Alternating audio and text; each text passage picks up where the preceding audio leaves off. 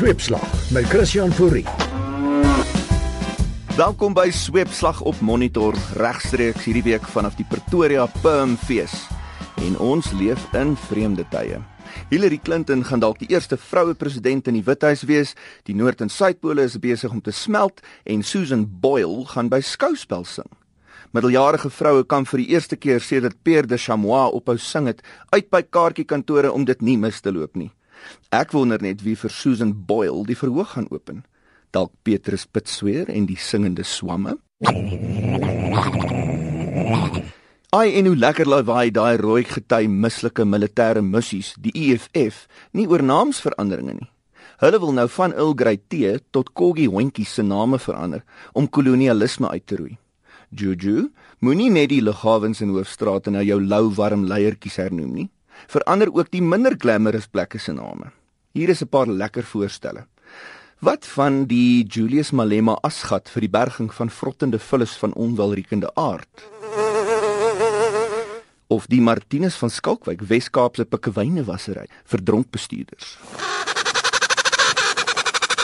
Die Robert Mugabe kliniek vir die anonieme behandeling van ambeye.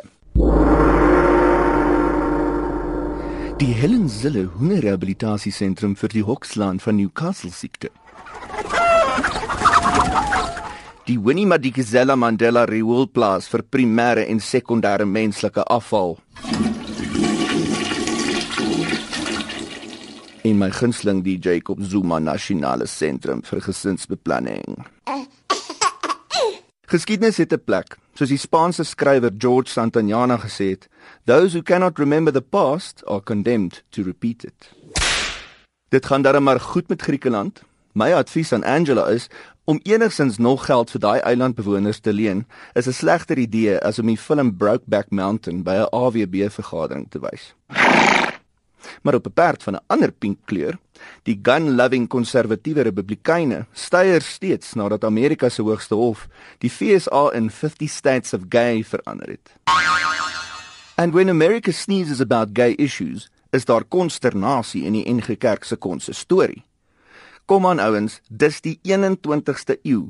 Gay lidmate byt nie, veral nie vir hulle blomme meisies nie. Maar dan is daar die debat of gays verwelkom moet word in die weermag. Is dit regtig so 'n goeie idee? Die geveg sal doeteenvoudig net nie gebeur nie. Stel jou nou voor, 'n fyn besnaarde korporaal in sy gestyfde uniform wat hysteries met swaaiende polse beduie: "Luitenant, ek kan hom net nie skiet nie. Hy is dan so gorgeous." Eintlik is enige oorlog onnodig, want ons het 'n weermagskrywers daar buite in die wêreld wat weet die pen is magtiger as die assegaai. Laat dit juig. Dit was Sweepslag met Christian Fourie. Onthou ons wil mense nie seermaak of afkraak nie. Ons wil hulle net terugbring aarde toe.